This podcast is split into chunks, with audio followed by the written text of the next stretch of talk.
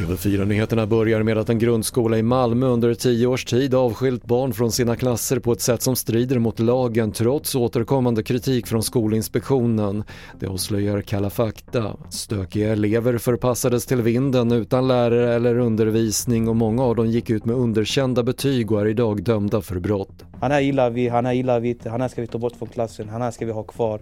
Det var typ så redan sen liten man kände typ att de tänkte att du inte kommer bli något i framtiden, att du är bara skit. Det sa en tidigare elev och Kalla faktas reportage kan du se på TV4 Play. BankID och andra privata e-legitimationer borde sättas under statlig tillsyn, det skriver Finansinspektionen på DN Debatt idag. Den hårdare kontrollen motiveras av att en cyberattack som slår ut systemen skulle kunna få allvarliga konsekvenser för samhället. Och på onsdag ska USAs senat rösta om ett förslag att på federal nivå lagstifta för att tillåta abort i landet.